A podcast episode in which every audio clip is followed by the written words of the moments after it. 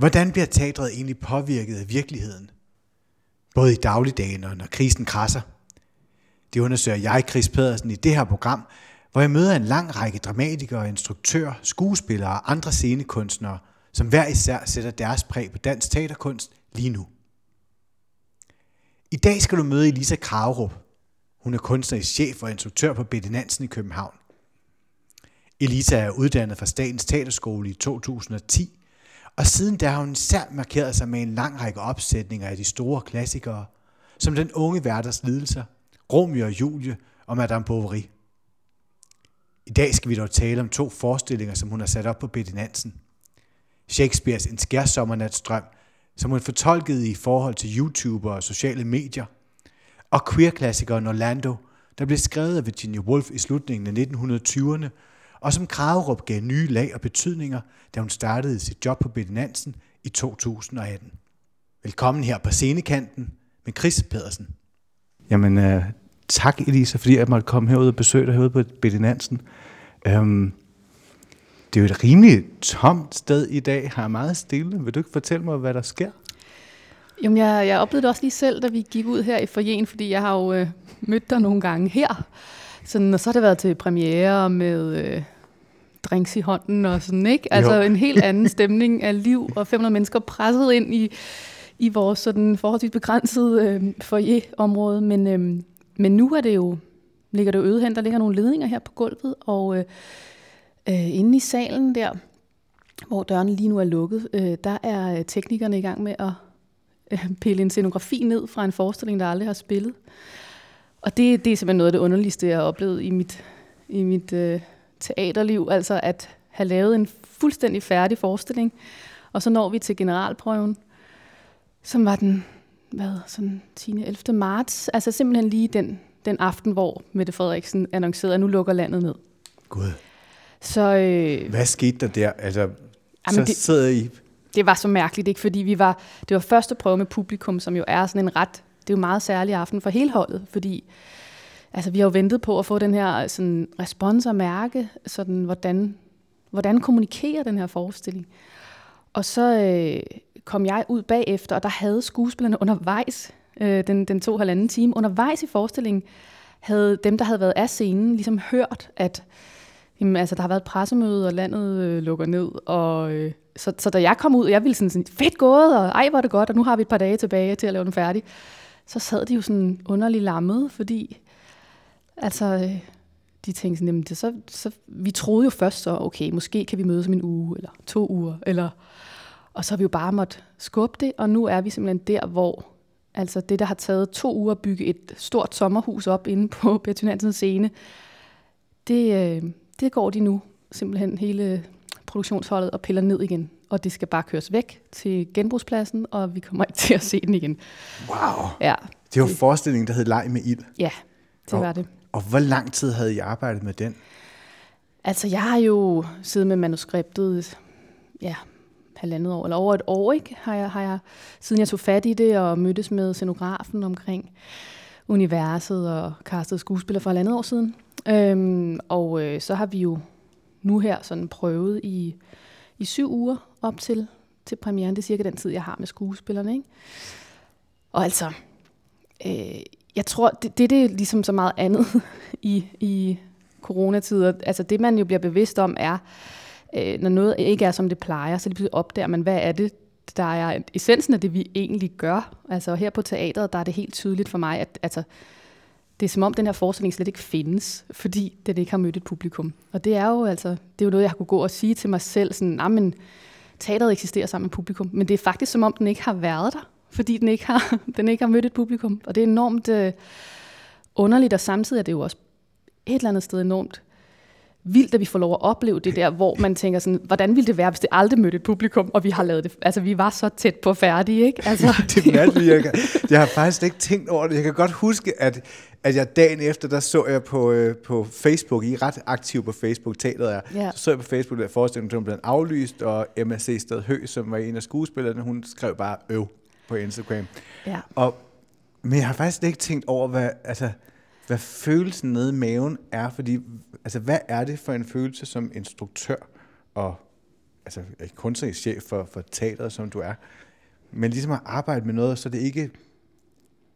Altså, kan du sammenligne det med Nej, noget? men jeg kan, det kan jeg faktisk ikke, fordi øhm, altså jeg tror, med alt hvad vi laver, der, der spejler man sig jo i det som menneske i dag. Det vil sige, vi tager jo nogle greb på det, som gør, at de forestillinger, vi laver nu, det vil ikke være det samme, hvis vi gjorde det om fem år eller for fem år siden. Altså der er et eller andet, som, som, som gør, at vi jo hele tiden har vores tid med i det. Vi har det publikum, det skal møde med i det. Vi er summen af de mennesker i det rum, der nu fortæller og fortolker den her tekst, som vi havde valgt af, af Strindberg.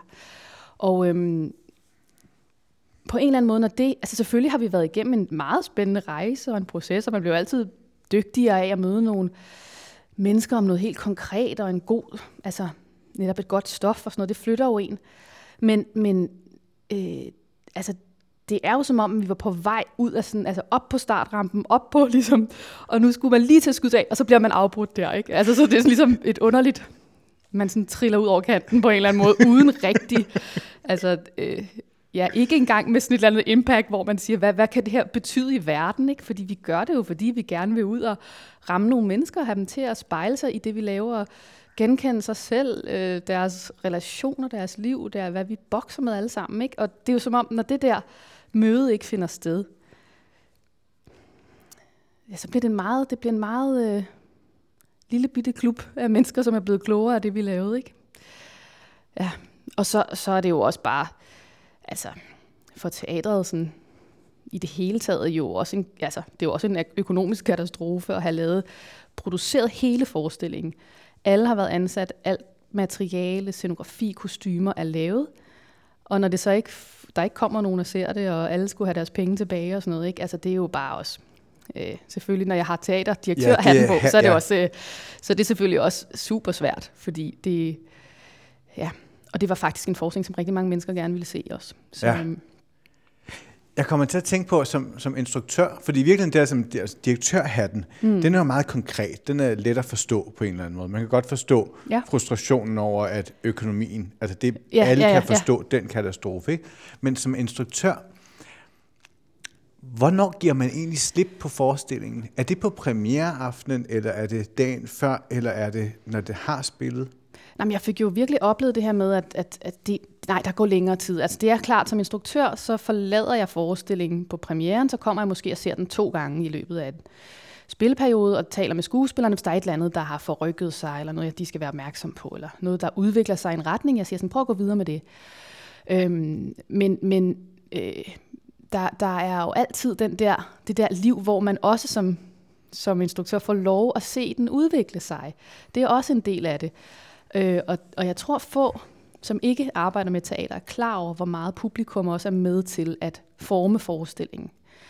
Fordi øh, altså, vi kender jo nok godt det der, når vi sidder nede på rækkerne, og man bliver rørt af noget, og man kan mærke, gud, det var som om vi alle sammen i salen holdt vejret, eller ej, jeg hørte den ved siden af mig snøfte, der var jeg også lige sådan, eller vi griner sammen, eller sådan noget. Øhm, men det, det vibrerer jo også ind i skuespillerne. Det vil sige, de får også en fornemmelse af, hvad resonerer rigtig meget her? Altså, hvordan kan jeg... Øh, øh, hvor kan man faktisk lige holde en pause lidt længere? Hvor kan man trykke til den? Hvor siger man her, de forstår ikke helt, hvad vi laver, vi bliver nødt til at være tydeligere her. Eller, altså det er simpelthen en, øh, der er sådan en, øh, skal man sige, forestillingen bliver, bliver egentlig først færdig, når publikum sidder der. Og vi bliver også klar over, at øh, jeg kan godt lide, når teater taler til publikums forestillingsevne. Ikke? Altså man tænker, at den bliver først færdig inde i hovedet, inde i hjertet og maven på den enkelte publikummer. Det vil sige, at vi efterlader altid nogle, det man kunne sige var sådan lidt tomme pladser, altså hvor man siger, øh, alt er ikke en til en realistisk her. Vi skaber nogle verdener, som faktisk også skal stimulere din fantasi. Og det vil sige, at man, man jo også skal opleve, at publikum, altså publikum sker det? Begynder de, kan, de, kan vi mærke, at de laver deres egne billeder? Kan vi mærke, at det, det rammer dem, det vi laver? Og det er, det er skuespillere og også jeg som instruktør enormt gode til at fornemme, ligesom, hvad der sker. Ikke? Og derfor så kan man sige, det er ikke for at plise nogen, men det er jo for, at vi, fordi vi ønsker virkelig at, at ramme og, og forandre noget i dem, der ser det. Måske kan de leve sig ind i et eller andet, de ikke troede, de forstod. Og pludselig kan man mærke sådan, gud, der var der sådan et kollektivt, ah, okay, i salen, ikke? Ja. Øhm, Så man kan simpelthen mærke, altså som, som instruktør, men også eller som teaterarbejder, teaterkunstner, at altså, så, så forestillingen udvikler sig også igennem en, Ja. en periode, og det gør den enormt kan tage meget. farve af tiden. Ja. Som jo også er en dag-til-dag-tid nogle gange, ikke? At der mm. kan ske noget, som lige pludselig forandrer en, en verden ret massivt. Fuldstændig, og der, altså, der er jo ikke nogen tvivl om, at, at det, der sker lige nu i verden, øh, kommer til at forandre, hvordan vi, hvordan vi ser på nogle ting. Og heldigvis er det skønne jo ved teater, at der står nogle levende mennesker, som også lever ude i den virkelighed. Og derfor er, øh, altså det fantastiske er jo, at de står der hver eneste aften. Hvis der er sket et eller andet i verden, så har de også det med i kroppen. For det er jo ikke et værk, der er færdigforhandlet. Altså det sker jo hver aften, når vi gør det. Øhm, og derfor så vil, vil, vil alt det, der sker lige nu, også trænge, altså være en del af de mennesker, de menneskers kroppe og erfaringer og øh, stemninger og sådan noget. Så man er egentlig ret bevidst om, hvis man starter en forestilling en aften, der er sket et eller andet i verden, at vi lige mødes et lidt andet sted. Og så skal vi hjælpe med at få jer derhen, hvor vi gerne vil med forestillingen. Men det der, det er jo der, hvor den levende kunst, altså alle kunstarter, der beskæftiger sig, altså det kan være dans eller koncerter eller øh, selvfølgelig teater, at, at, at øh, det møde der, det, det kan vi ikke... Øh, øh, det er også det, der er svært lige nu. Vi skal, vi skal være der sammen, fordi det er simpelthen et eller andet med, at vi giver vores nærvær, I skal også give jeres. Ikke? Du lytter til På scenekanten med Chris Pedersen. I dag er jeg ude at besøge Elisa Kravrup, som er instruktør og kunstnerisk leder på Betty Nansen. Jeg kan ikke lade være med at tænke på, og, og faktisk har jeg ikke forberedt det her, men, øh, men, men vi to har jo ikke kendt hinanden. Vi har talt sammen, vi møder hinanden forskellige steder igennem. Jeg tror næsten, jeg så din første forestilling for Det har været i 2010. Ja, 10 Ja, år siden, ja. som var i det røde rum på det kongelige teater. Og jeg arbejdede på det tidspunkt på magasinet, der hed Cover. Og jeg mener faktisk, at vi lavede et interview med dig, Mm, det som I. nogle af de første, efter du havde ja. modtaget to røgmerter, eller Ja, tre, ja. tre ja. Ja, ja, ja. året efter. ja. Øh, du blev tilknyttet det kongelige teater i 2009, blev færdig på Statens Teaterskole i 2010, ja. og så i 2011, så lavede du så det, man kalder et, et hat-trick, og blev et navn, alle talte om. Men jeg kan i hvert fald huske, at siden dengang har jeg fulgt dit arbejde, og har været ekstremt interesseret i, i, i den måde, du hele tiden, synes jeg, tager øh, me- meget ofte klassiske tekster, mm. men formår at, sætte en, at rykke dem ind i en nutid på en eller anden måde, uden at, at gå på kompromis med, øh, med værket, som er teksten, men også uden at gå på kompromis med, med, med, med nutiden. Og, og for nogle år siden, så lavede I en forestilling herude på Betty Nansen, hvor du så i øvrigt blev direktør sammen med, Eva Præstin. ja, i 2000, det er to år siden, 2018, ikke? Ja. Der lavede I kort efter en, en forestilling, hvor I havde en masse unge mennesker op mm. på scenen, mm. og den var bygget op omkring sådan nogle procentsatser med. Ja, om det var sammen med Fix og Foxy, Ja. øh, som er, som, altså det var, en, det var en form for gæstespil, så det er egentlig dem, der, der lavede det, men vi var, jeg synes, det var en fantastisk idé. Ja, Og der kan jeg bare huske, at, at den handler ligesom om alle de her unge mennesker, der står, og så fortæller de procentsatser på, hvad... Øh, Helt Hvad- statistisk, ja, hvordan deres liv kommer til at forme sig. Ja. Altså, ja, alt efter, hvor de er, i hvilke socialklasser og så videre. Ja. og den rørte mig dybt. Ja. Og så sker der det om aftenen, jeg er til premieren, det er en lørdag, og der sker det om aftenen, når jeg kommer hjem, sidder derhjemme, og pludselig hører jeg et brag nede på gaden, som jeg tænker er så, det var så vildt det brag, at jeg blev nødt til at løbe ned med det samme. at Jeg ringede til politiet, mens jeg løber på trappen, uden at have været ude og kigge ved vinduet, hvor jeg mærkte, at der var noget i vejen, og da jeg så kommer ned, er der en, to biler, der er stødt sammen. Tre mennesker, der ligger på jorden. Og så har jeg den her sygeplejerske, som beder mig om at løbe rundt og kigge på de tre mennesker, mens jeg hører en skrigende mand. Og det var så sådan en hel familie, der lå og ja, Ej, var smadret der. Og så var der et ung par, som var to unge angærer, Ja. som var fulde. Og det var dem, der havde siddet i den anden bil. Mm. Og jeg kan huske, at jeg kom op, efter vi havde været, jeg havde været nede og hjælpe i det her. Det var jo en, en katastrofested, ikke? Men kommer op i lejligheden og kan slet ikke, kunne slet ikke komme ud. Og det var ligesom om, at de to forestillinger og, mm. og den oplevelse hang sammen. Ja. Og jeg kan huske, jeg skrev til dig samme aften, Ja, måske om natten, skrev, om jeg ikke måtte læse manuskriptet, fordi jeg havde brug for at jeg havde brug for at bearbejde og det gør man jo ikke, når man ringer med en ulykke, så får du ikke, der er ikke nogen, der ringer til dig bagefter. Nej. Så du sidder ligesom med det selv, og på en eller anden måde, så det der teater, det var med til at, at sætte nogle ting på plads, bearbejde, Ja. Hvorfor tror du det?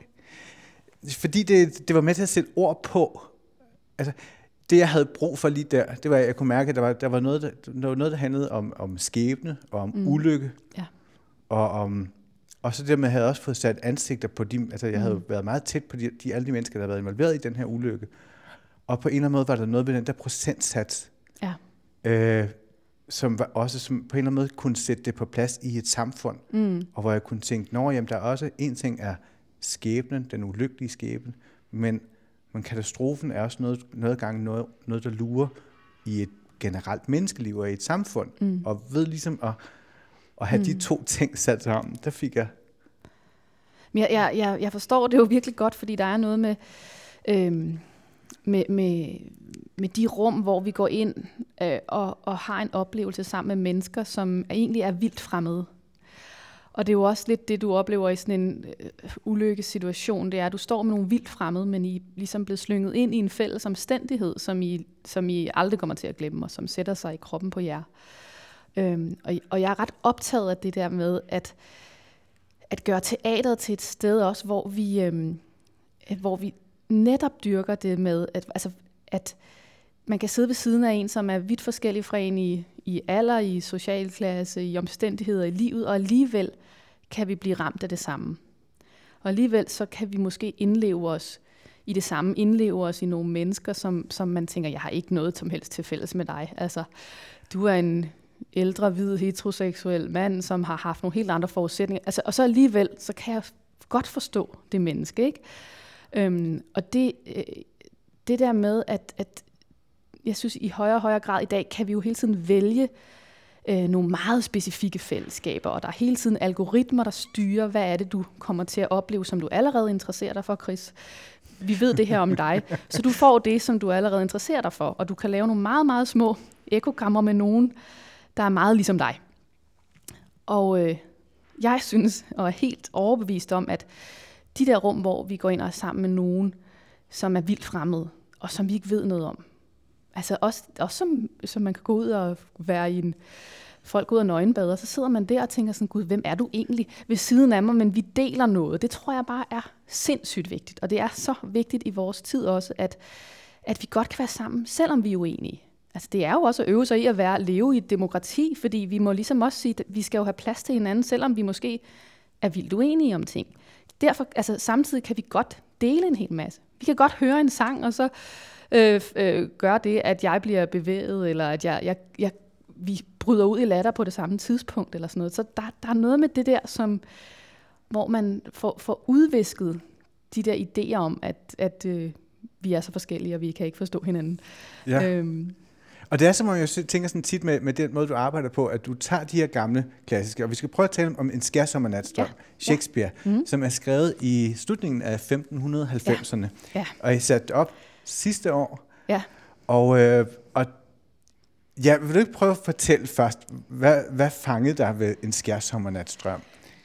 Jamen, det er, øhm, det er et ret sindssygt stykke. Det er sådan, hver gang jeg er blevet spurgt, sådan, hvad handler det om, så er jeg sådan, okay, øh, ja, det, det handler om mange ting. Men kort, kort fortalt, så er, der, øh, er det nogle mennesker, der går ud i en skov en nat, og der bliver de fortryllet af, af nogle alfer, som simpelthen gør, at det vender op og ned på, hvordan de oplever virkeligheden. De får fortryllet deres sanser, så de forelsker sig i det første, de kigger på. Øhm, så, så man kan sige, øh, jeg var meget optaget af det her med, hvad er den her, sådan, hvad er en fortryllet verden i dag? Øh, og jeg blev inspireret af forfatter Lone Hørslev. Jeg hørte hende i et interview, hvor hun sagde, at hun synes, at øh, hun har beskæftiget sig meget med det her med, ligesom hun lavede sådan den der digtsamling, der hedder Dane af data, som handler om sådan, øh, vores, vores brug af sådan moderne medier. Og, sådan noget. og hun siger, at hun oplever, at vores verden er blevet affortryllet af det. Og det synes jeg bare var sådan... Øh, var interessant, hvorfor, hvorfor den tanke ligesom satte sig fast i mig. Og sådan er det jo meget, når man hører et eller andet, eller læser noget, og tænker sådan, hvorfor rammer det mig? Så nogle gange så laver jeg den der omvendte, sådan, jeg bliver ramt først, når jeg læser et stykke, og bagefter prøver jeg at forstå, hvorfor. hvorfor taler det til mig øh, her, sådan, så øh, flere århundreder efter. Ikke? Øhm, og, og noget af det, øh, jeg ligesom blev så ramt af, det var, at, at vi jo også har skabt en verden, hvor vi, hvor vi aldrig kan forsvinde.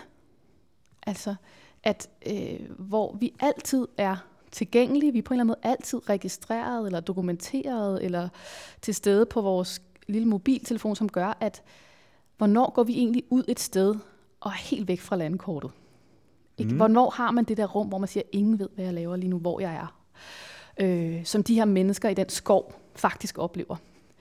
Øh, så ligger der et enormt i stykket sådan et enormt kontroltab, hvor man kan sige, at kroppene tager over, og deres sanser og drifter tager over. Det bliver også meget dyrisk på en eller anden måde. Som jeg også synes var interessant i forhold til den her enorme øh, selvbevidsthed, og hvordan vi sådan, i så høj grad producerer billeder af os selv hele tiden. Men man kan jo diskutere, hvor sande de billeder er. Øhm, altså hvor, hvor, øh, hvor meget vi hele tiden har et blik udefra på os selv.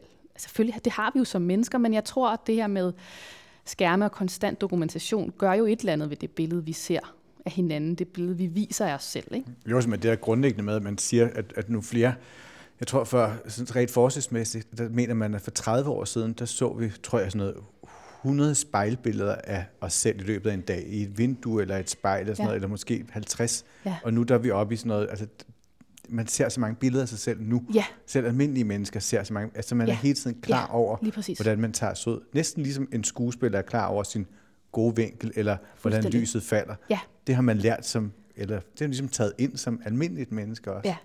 Og igen, altså jeg siger ikke sådan, øh, at det er rent sådan noget, verden var meget bedre i gamle dage, for vi har jo altid været ekstremt bevidste i omgang med andre mennesker, men jeg tror, der sker et eller andet ved, at vi nu har mulighed for at mediere den virkelighed mm. enormt meget. Ikke? øhm, og, og, og lege med den der selvfremstilling. Og nogle gange er det jo sjovt og skide godt, men virkelig også mange gange er det, bliver det jo også en lille smule øh, altså falsk, det billede, og vi kan jo selv begynde at tro på det. Og det var noget af det der, jeg synes var sjovt med, at de unge mennesker i Skal Sommernatstrøm havde sådan en idé om, at de var enormt autentiske, som jo også er sådan et ord, man taler om, ikke? og enormt forelskede, og sådan, ej, vi er bare så vilde med hinanden. Men de kunne ligesom kun være det, når de samtidig livestreamede det.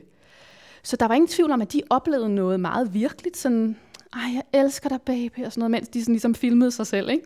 og friede til hinanden online og sådan noget i starten af stykket. Øhm, men det er samtidig jo også, for mig at se, på en eller anden måde sådan, altså blottet for det der kontroltab, der er i forelskelsen og i de store følelser. Ikke? Altså at man faktisk mister sig selv. Øhm, og det var det, jeg tænkte, sådan, det, det er for mig så interessant at se. Hvad sker der så, når de kommer ud i en nat og bare altså mister kont- altså hvor de kan ikke styre hvad de gør med deres kroppe, de kan ikke styre hvem de forelsker sig i, de kan de bliver liderlige af helvede til i noget som, på noget som de ikke ligesom forstår og hele det der slip var sådan for mig meget det der hvornår giver vi egentlig rigtig slip sammen, ikke? Og så øh, og så, og så ude i den der sådan magiske verden. Og, det, og jeg tror også, at der for mig er noget i det der med, at, at vi jo også som mennesker lige nu, vi har så svært ved at begribe det med naturen, og vi skal redde klimaet, for vi synes jo ikke, det er os på en eller anden måde. Men, men i det her stykke kan man se sådan, jamen, I er jo selv natur. Altså, menneske, vi mennesker er jo natur. Altså, så, og det blev man på en eller anden måde mindet om, synes jeg, når de kommer ud der i skoven og i starten er vildt bange for hver eneste lyd, og lige pludselig er det dem selv, der løber rundt og smider tøjet og råber og skriger, fordi de ligesom har, har, har, har fået på en eller anden måde med en fortryllelse hjælp til at at give slip og forglemme sig selv. Og det var noget med det der, den der sådan selvforglemmelse, som jeg synes var enormt smuk, og man kunne mærke i salen, at, øh, at det resonerede det der sted, når de endelig bare sådan, åh, altså man har lyst til det, ikke? At se mennesker, som, som taber lidt af den der sådan selvfortælling, som er sådan meget, øh, altså bliver sådan produceret for, for de andre hele tiden. Men det er jo også noget, for jeg kan huske, at den resonerede jo også, fordi at, at netop begyndelsen og hele det her blogger-sproget, ja. YouTuber-sproget, mm. det var så ekstremt genkendeligt, ja. samtidig med, at det jo var de, altså den oprindelige, eller som man sige, den klassiske oversættelse. Ja. Altså, vil du ikke prøve at fortælle noget om det? Hvad, hvad var det der clash mellem den der meget moderne YouTube? hvad er det for en, i hele taget, hvad er det for et YouTube-sprog, du brugte, eller der blev ja. brugt der? Og så netop det med, at gøre det med en tekst, som er 400 år gammel? Jo, men altså, jeg kan altid godt lide, at hvis jeg kan, så holder jeg fast i ret meget. Altså, altså specielt når det er sådan noget, som Shakespeare er skrevet på vers, og det er virkelig fantastisk rigt sprog og poesi, og, øhm, og, og prøver altid at se, hvor meget det kan jeg beholde, for det er faktisk også sjovt, som du siger, det der clash, at man ser, hvis vi skal strække os efter noget, der er larger than life, så ligger det jo allerede i den tekst. Ikke? Altså hvor hvis man reducerer det og bare gør det til hverdagssprog, så har man på en eller anden måde, man har tabt en dimension. Øhm, og og øh, så synes jeg også, det var sjovt, at de her øh, unge falskede mennesker ligesom tog, tog, tog det til sig, som ligesom man ville synge en vild øh, sådan, en, en, en eller anden popsang, som har et sprog, som slet ikke er ens eget, men man bruger det ligesom til sådan, hvis sande elskende, der altid stanses, så, kalder vi det en, så må vi kalde det en skæbnens lov. Altså sådan, de føler sig selv som Romeo og Julie i en eller anden stor fortælling. Ikke? øhm, og, øh, og, og, og der var noget med det der, øh, når man så sagde det ind i en skærm for at sige til andre, se jeg er en, der elsker så meget. Men samtidig tænker man, du er jo fuldstændig bevidst om alt, hvad du gør. Der er ikke noget i det, som, som handler om en rigtig fortabelse på en eller anden måde. Øhm, det synes jeg var enormt interessant. Og, og så lagde vi jo lidt ind, altså de, så sagde de sådan, hey baby, ind over det, men så ja. blev det bare endnu mere absurd, at de gik tilbage og talte om de der, det er sådan noget stort, de citerer nærmest Romeo og Julie i teksten originalt, ikke? Øhm, og, og, og det er jo sådan også, vi drømmer jo om at opleve noget, der er så stærkt. Det gør vi jo også i dag. Altså det er også en, en synes jeg, en, på en eller anden måde en ærlig længsel, at, at være det sted, hvor man siger sådan, okay, altså nu er der noget, der er så meget større end mig, og alt giver mening. Øhm, så, så det var ret vigtigt for mig at balancere, at vi kunne ligesom, vi, altså vi grinede jo af dem, fordi det blev latterligt, fordi når man ser en, der forsøger at filme sin, øh, sin kæreste, men står i sådan en skovskiderstilling for at få en god vinkel og sådan noget. Ikke? Altså, hvor man ved, at det billede, der kommer ud, som vi så, var super smukt og rigtig tonet og sådan noget. Ikke? Og når man så ser, hvordan de laver det, når man ser de der altså boyfriends i kanten af, på stranden, som står og tager billeder af deres kæreste derude i en eller anden yogastilling. Altså, det var også fordi, det var jo absurd. Altså, det var jo, det er jo sindssygt sjovt også. Altså, ja. Og der var noget med den der humor i at grine er, er vores adfærd blevet så underlig. Og jeg tænkte sådan, hvis, hvis, hvis der kom, det er jo det, man får lov at forestille sig med teater, hvis der nu sad en eller anden, en, en alf, eller var landet en fra en anden dimension, og kiggede på mennesker, så ville de synes, vi var så latterlige. Altså, de ville synes, vi var ek- ekstremt mærkelige, når man sådan ser, hvordan de øh, ligesom forsøgte at få det fede billede, og få, forsøge at øh, virke så autentisk, ikke? men samtidig er der et kæmpe spil rundt om det, for at få det til at se naturligt ud. Ikke? Det er meget sjovt. En af mine yndlingste Instagram-profiler, den hedder Influencers in the Wild. Åh, oh, fedt. Ej, og det godt. er nemlig folk, der står og filmer influencer. Altså, så kommer gående forbi nogle mennesker, der opfører sig underligt, og så opdager de, at det er en kæreste, der står og filmer, eller ja, et eller andet, der sker, præcis. og så filmer de det. Ja. Og den er sådan et, den kan jeg... Ej, men det legede vi også så meget med, og man kan sige, øh, øh, særligt øh, Emma Sisted Hø og Simon Bennebjerg, der spillede, det er dem, som var sådan helt slemme til det. Altså, de, de kunne køre for evigt i det der, for de har også dyrket det. Altså, vi lavede sådan nogle under prøverne, hvor de sad og lavede... Øh, øh, vi prøvede faktisk, at alle karaktererne skulle lave deres egen YouTube kanal, sådan setup for hinanden, så, så sagde man, okay, så hver af, af rollerne lavede sådan en lille opgave, hvor de så skulle sige, hej og velkommen til min YouTube-kanal. Og hvad ville det så være for en kanal? Altså, den her karakter havde, så vi lavede det som sådan en undersøgelse. Og det var helt vildt, fordi de kunne begge to, de kunne køre for evigt i det der, sådan, at han var sådan meget emo og sad sådan, og, og jeg føler bare så meget, ikke? og hun var bare, hej, og havde bare sådan enormt sødt, sådan, ej, og jeg er så, og så empatisk og så indfølende i andre mennesker, og hun tænkte kun på sig selv. Ikke? Så, så, øh, og, og der var det jo også, fordi skuespillerne selv havde noget guilty pleasure om at dyrke det der, ja. så det, man skal jo heller ikke altså, gøre sig bedre, end at, at, at vi også kigger på det og tænker, det er dybt fascinerende.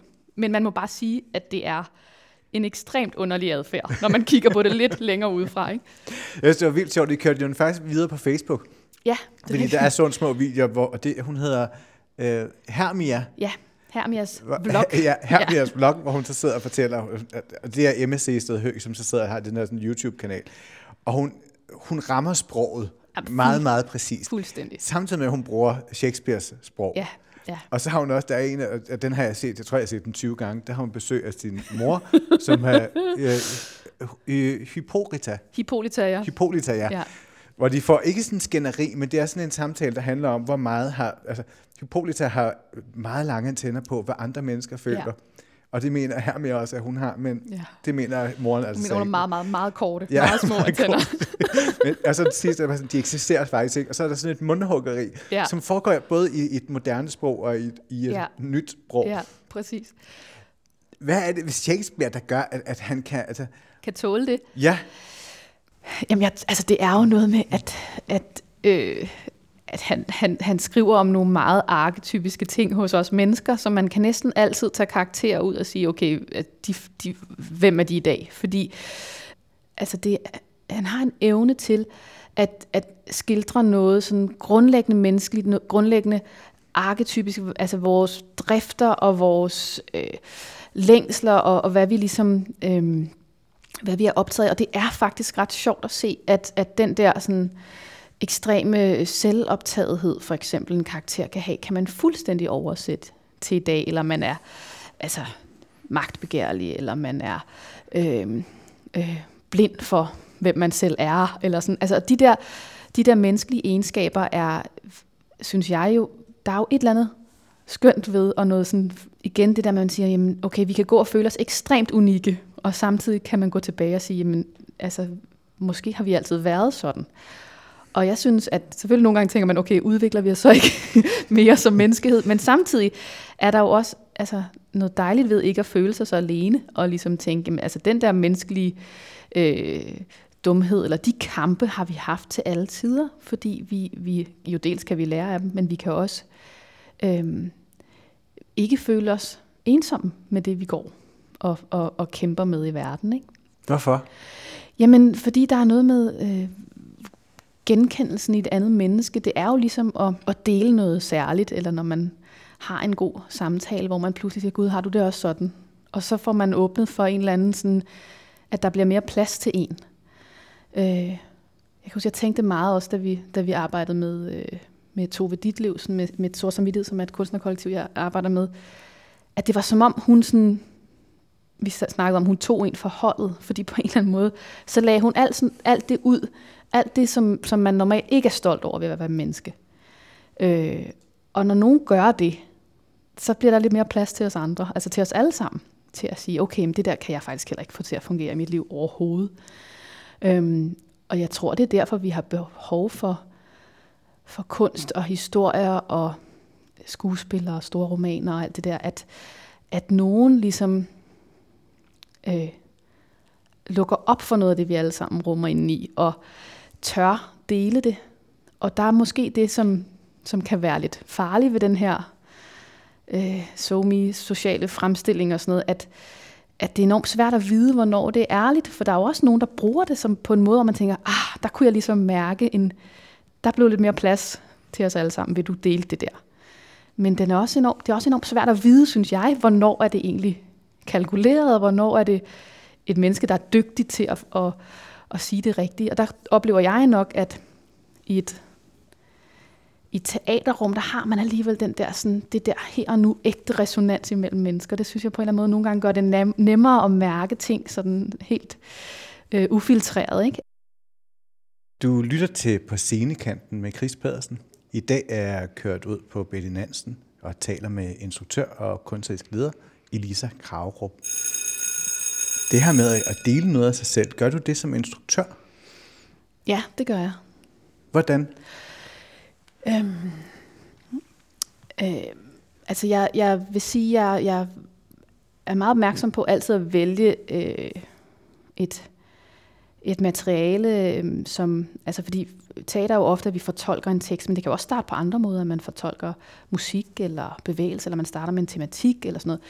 Men der er jeg meget opmærksom på altid at tage noget, som jeg har sådan er, er oprigtig øh, optaget af. Og der er jeg jo et menneske med de erfaringer, jeg har med den øh, livssituation. Så det ændrer sig jo også i løbet af mit liv, tror jeg, hvad det er, jeg er, øh, hvilke historier jeg er interesseret i at fortælle på scenen.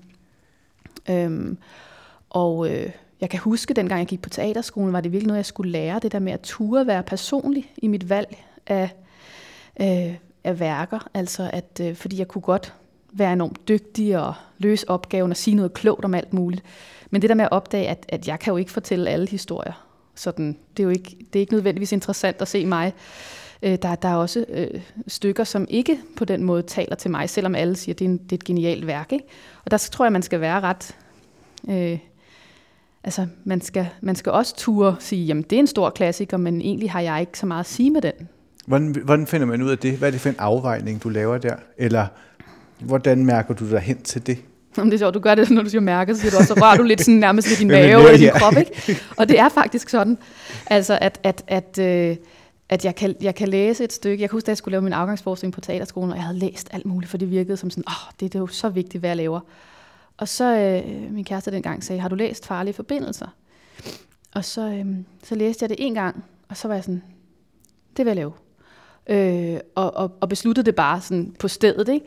Og så var der en masse overvejelser bagefter, men simpelthen fordi jeg, øh, ja, jeg, jeg, jeg, jeg, jeg blev så ramt af det, det satte så mange billeder i gang, og jeg kunne mærke sådan, altså det, nogle gange er det jo også, at man får et, en følelse i kroppen, hvor det føles som om man sådan, man, bliver, man kan blive frustreret, eller man kan blive, øh, øh, altså det kan føles som om, at man har et, et ærne med det, som gør, at jeg bliver nødt til at arbejde med det, fordi jeg, det, jeg kan ikke have, at de gør det her.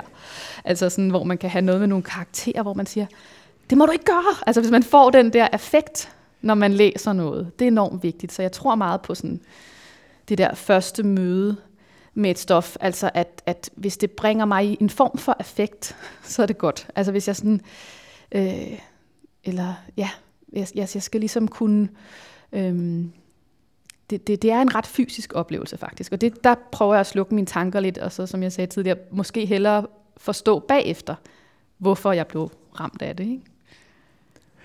Din første forestilling herude, Ja. øh, i, det var i 2018, åbningsforestillingen, ikke? I blev ansat i 2017, Mm. og øh, første forestilling, det var Orlando, Mm. skrevet af Virginia Woolf, Ja. og den er skrevet i 1928. Ja. Orlando, hvad var det ved den tekst, som, som gav dig, eller hvad var det, der gav dig med af den tekst?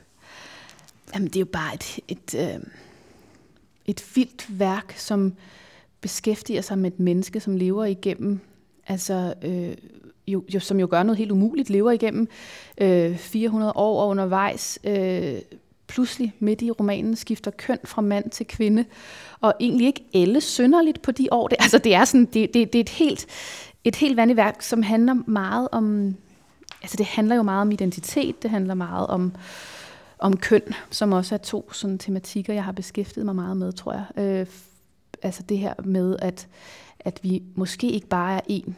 Vi er måske rigtig mange forskellige jeger. Øh, og måske, altså Hvordan? Man, jamen, øhm, jeg tror på, at vi som mennesker nok har, vi har en kerne, men jeg tror også, at vi er rigtig mange forskellige. Øh, øh, jeg er rigtig mange forskellige Elisager, og det kan både være ydre påvirkninger og indre stemninger, som, som ligesom vækker, vækker de øh, øh, jeger i mig. Og det var bare en tanke, som Virginia Woolf skriver, øh, sådan meget konkret, altså at, man, altså at vi alle sammen består på af flere hundredvis af jeger, som jeg synes var enormt interessant. Altså igen, hun har skrevet den 1928, og det er jo som om, at det er identitetspolitik lige her, ikke? Altså øh, i, i, også i tanken, må jeg sige, særligt omkring køn og seksualitet, som øh, køn specielt som en meget flydende størrelse, som vi alle sammen som mennesker øh, pendler imellem. Altså man siger, at vi alle består af noget mandligt og kvindeligt, og så ligger vi og bevæger os forskellige steder på den skala. Og det er jo en ekstremt moderne tanke. Altså hun introducerer en tid, hvor man var sådan helt binært. Der er mand, der er kvinde, der er ikke homoseksualitet, der er ikke nogen grænseområder. Altså at, at hun så går ind og skriver et værk, hvor det her med køn er flydende i opløsning, og så, så skifter Orlando køn, men beholder stadigvæk attraktionen til kvinder, selvom hun, han er blevet kvinde, og indtil hun forelsker sig i en mand. Altså det er bare sådan en, for mig, der er sådan en enorm, øh, noget enormt øh, frisættende i, i de muligheder. Man kan også blive svimmel af det, som jeg også synes, man kan i dag nu med identitetspolitik og sådan, altså at man sådan, jamen hvad, hvad, hvad er så noget konstant i det her, ikke? Men det synes jeg bare, den, hele den tanke er, øh, den der spænding imellem mange køn i et menneske er interessant, og jeg har jo også arbejdet med det i andre forestillinger, det her med, at skuespillere øh, ikke, ikke bare spiller det køn og den alder, de har, men, men at vi, vi lader det være, øh, altså at vi lader karakterer kunne tolkes af, af en anden krop, kan man sige, ikke?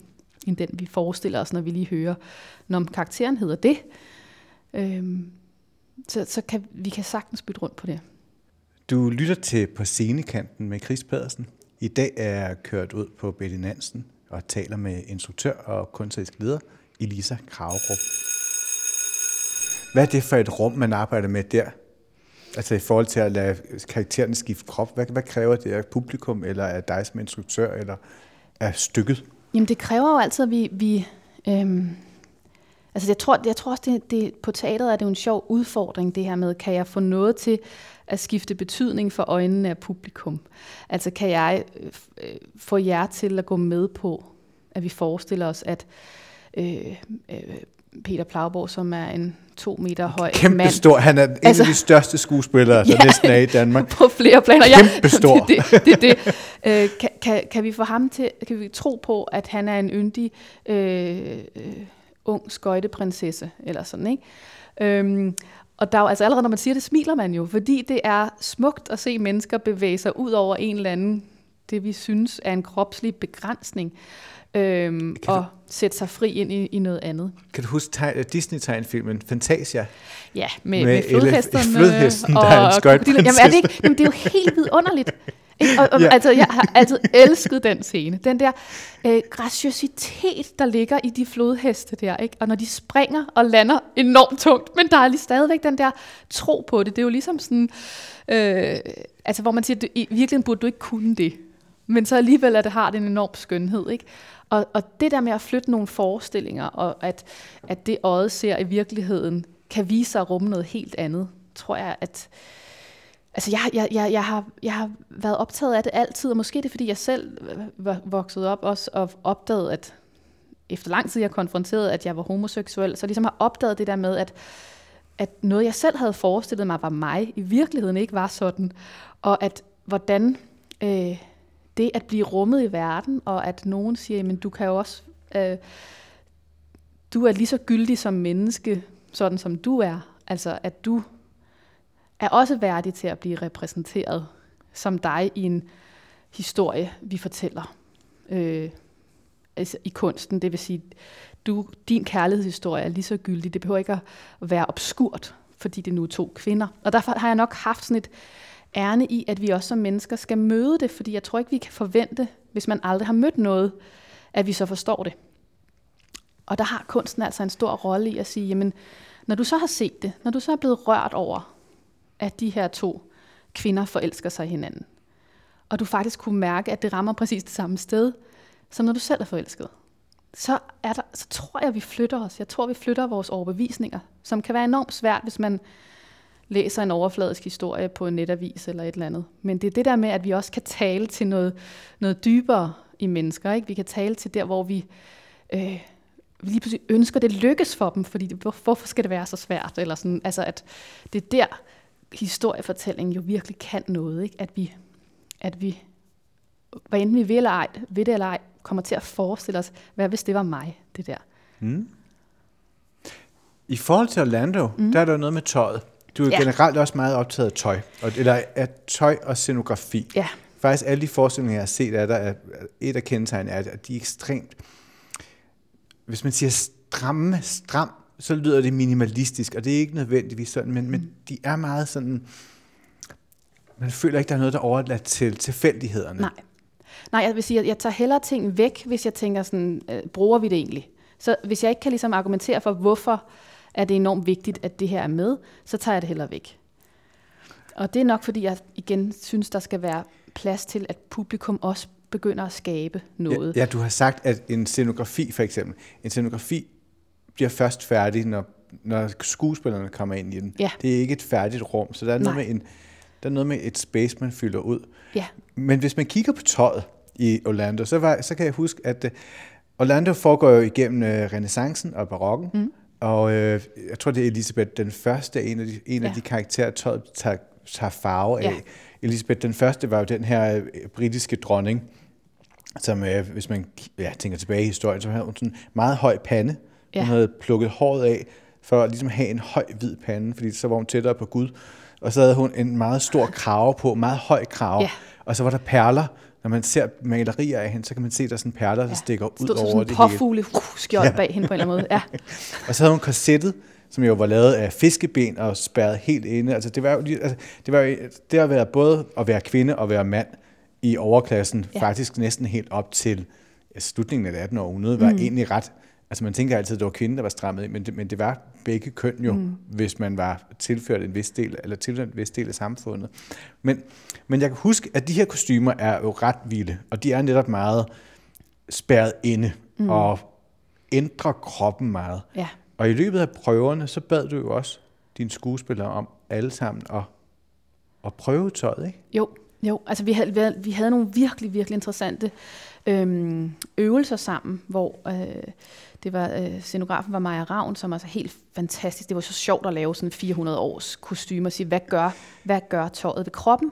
Og det er også i, i romanen, altså Virginia Woolf taler om, altså igen det der med køn, at nogle gange er det måske kun tøjet, der definerer, om vi er mest mand eller kvinde. Hvor det indenunder kan være fuldstændig noget andet. Hun Altså, siger i så, et citat, at... hvad så det er hedder klæder, der skaber folk på en Ja, måde. Ikke? og hun siger, at øh, de ligner, de, de ligner forfængelige trivialiteter, men tøjet forandrer andres blik på dig, Mm. og dit eget blik på dig selv. Ja.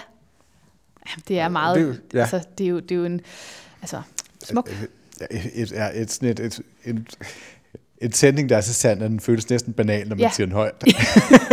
Men sådan er det med meget. Jeg har øvet mig meget på ikke at gå udenom det banale, fordi, og, og faktisk lege med klichéer, fordi der jo nogle gange er, den der, den der genkendelse er jo også fantastisk. Øhm, men, men vi lavede sammen med skuespillerne nogle, havde nogle dage, hvor vi arbejdede på at netop øh, sådan isolere enkelte dele af et kostyme, sådan så man siger, okay, nu arbejder vi lige med, okay, hvordan, hvis I alle sammen bare får corsage på, ligesom som den grundlæggende, hvordan ændrer det kroppen, hvordan ændrer det deres måde at bevæge sig på?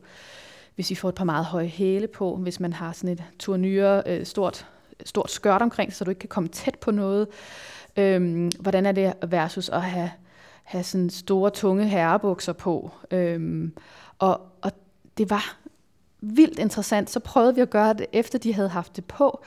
Så prøvede vi at tage nogle dele af, men at kroppen stadigvæk sad fast i den position. Det vil sige, hvis du havde haft et corsage på, øhm, så, og man tog det af, så skulle kroppen stadigvæk opføre sig, som om den havde det på. Og det der med at se en, en næsten afklædt krop stadigvæk spille et kostyme, var bare helt fantastisk. og det gjorde også, at der var jo nogle dele, som vi netop valgte at tage mere silhuetten, mere strukturen, altså de der store skørter, der havde vi jo, det var jo, altså man så ligesom nettet indenunder, Vi- der var ikke en kjole uden på alle kostymerne, for man ligesom så helt sådan, altså strukturen, og du kunne se, hvordan benene agerede inde i det.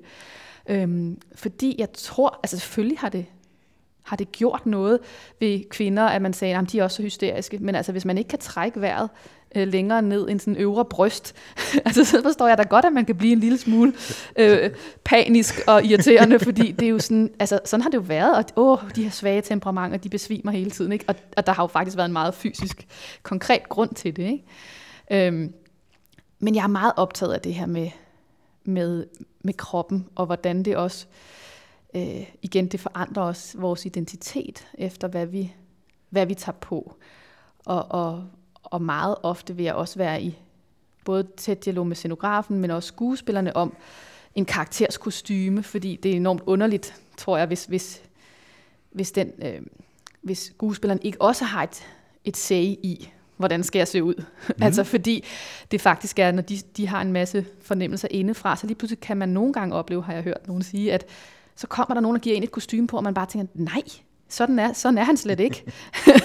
altså, og det er jo ligesom, når vi selv tager tøj på om morgenen, hvis nogen andre sagde, du er sådan her, ikke? så er man sådan, nej, jeg er ikke. Eller, altså, det, vi, vi, øh, apropos det der med, at du siger, at vi ser os selv så mange gange i spejlet, ikke?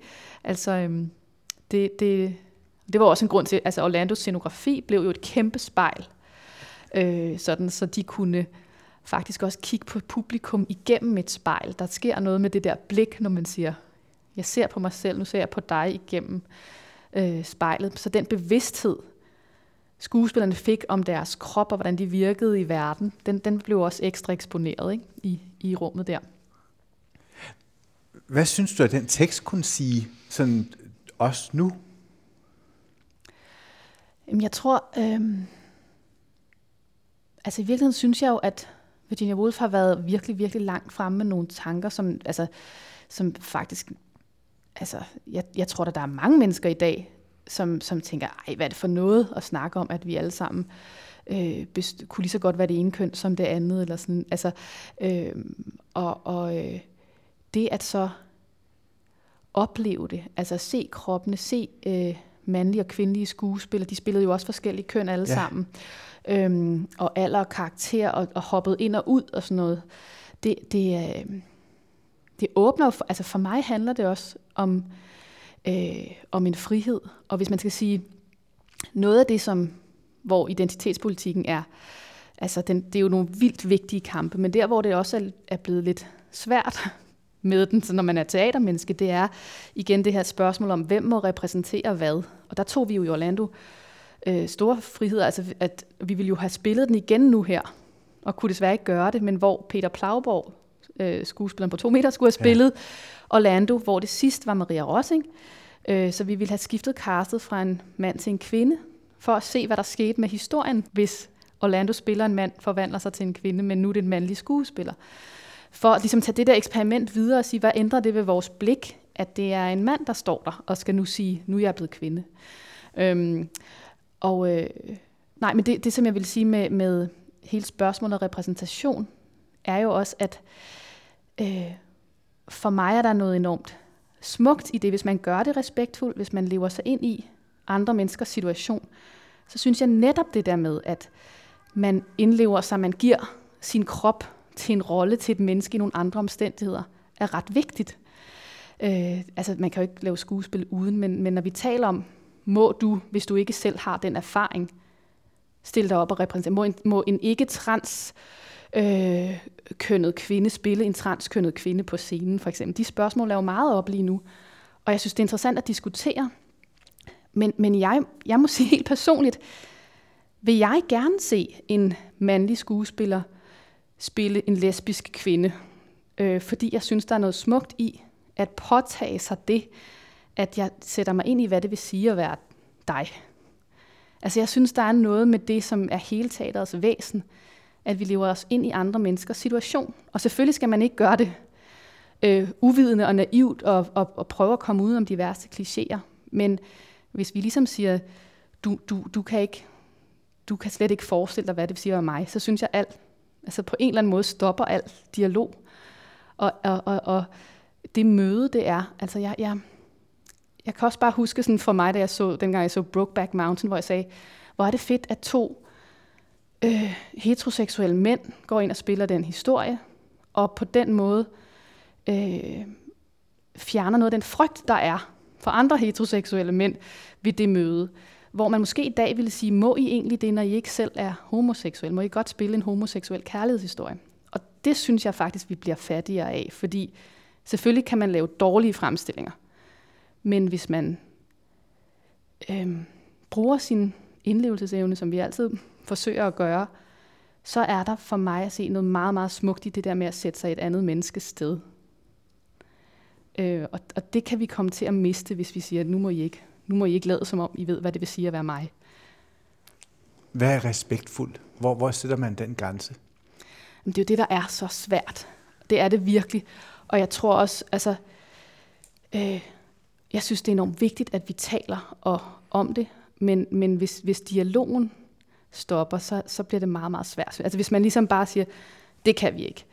Øhm, men respektfuldt er jo også at spørge mennesker, der har den erfaring, og være åben og, og nysgerrig og ærlig optaget og sige, vil du hjælpe mig med at finde de værste faldgrupper her, så jeg ikke kommer til at lave et, et irriterende, ignorant portræt her.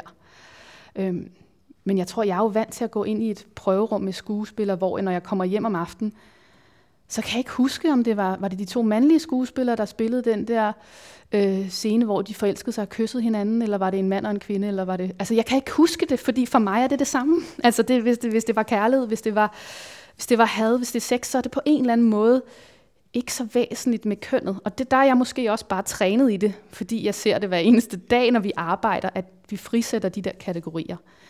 Men jeg tror også bare, det er vigtigt, at, at kunsten også gør det.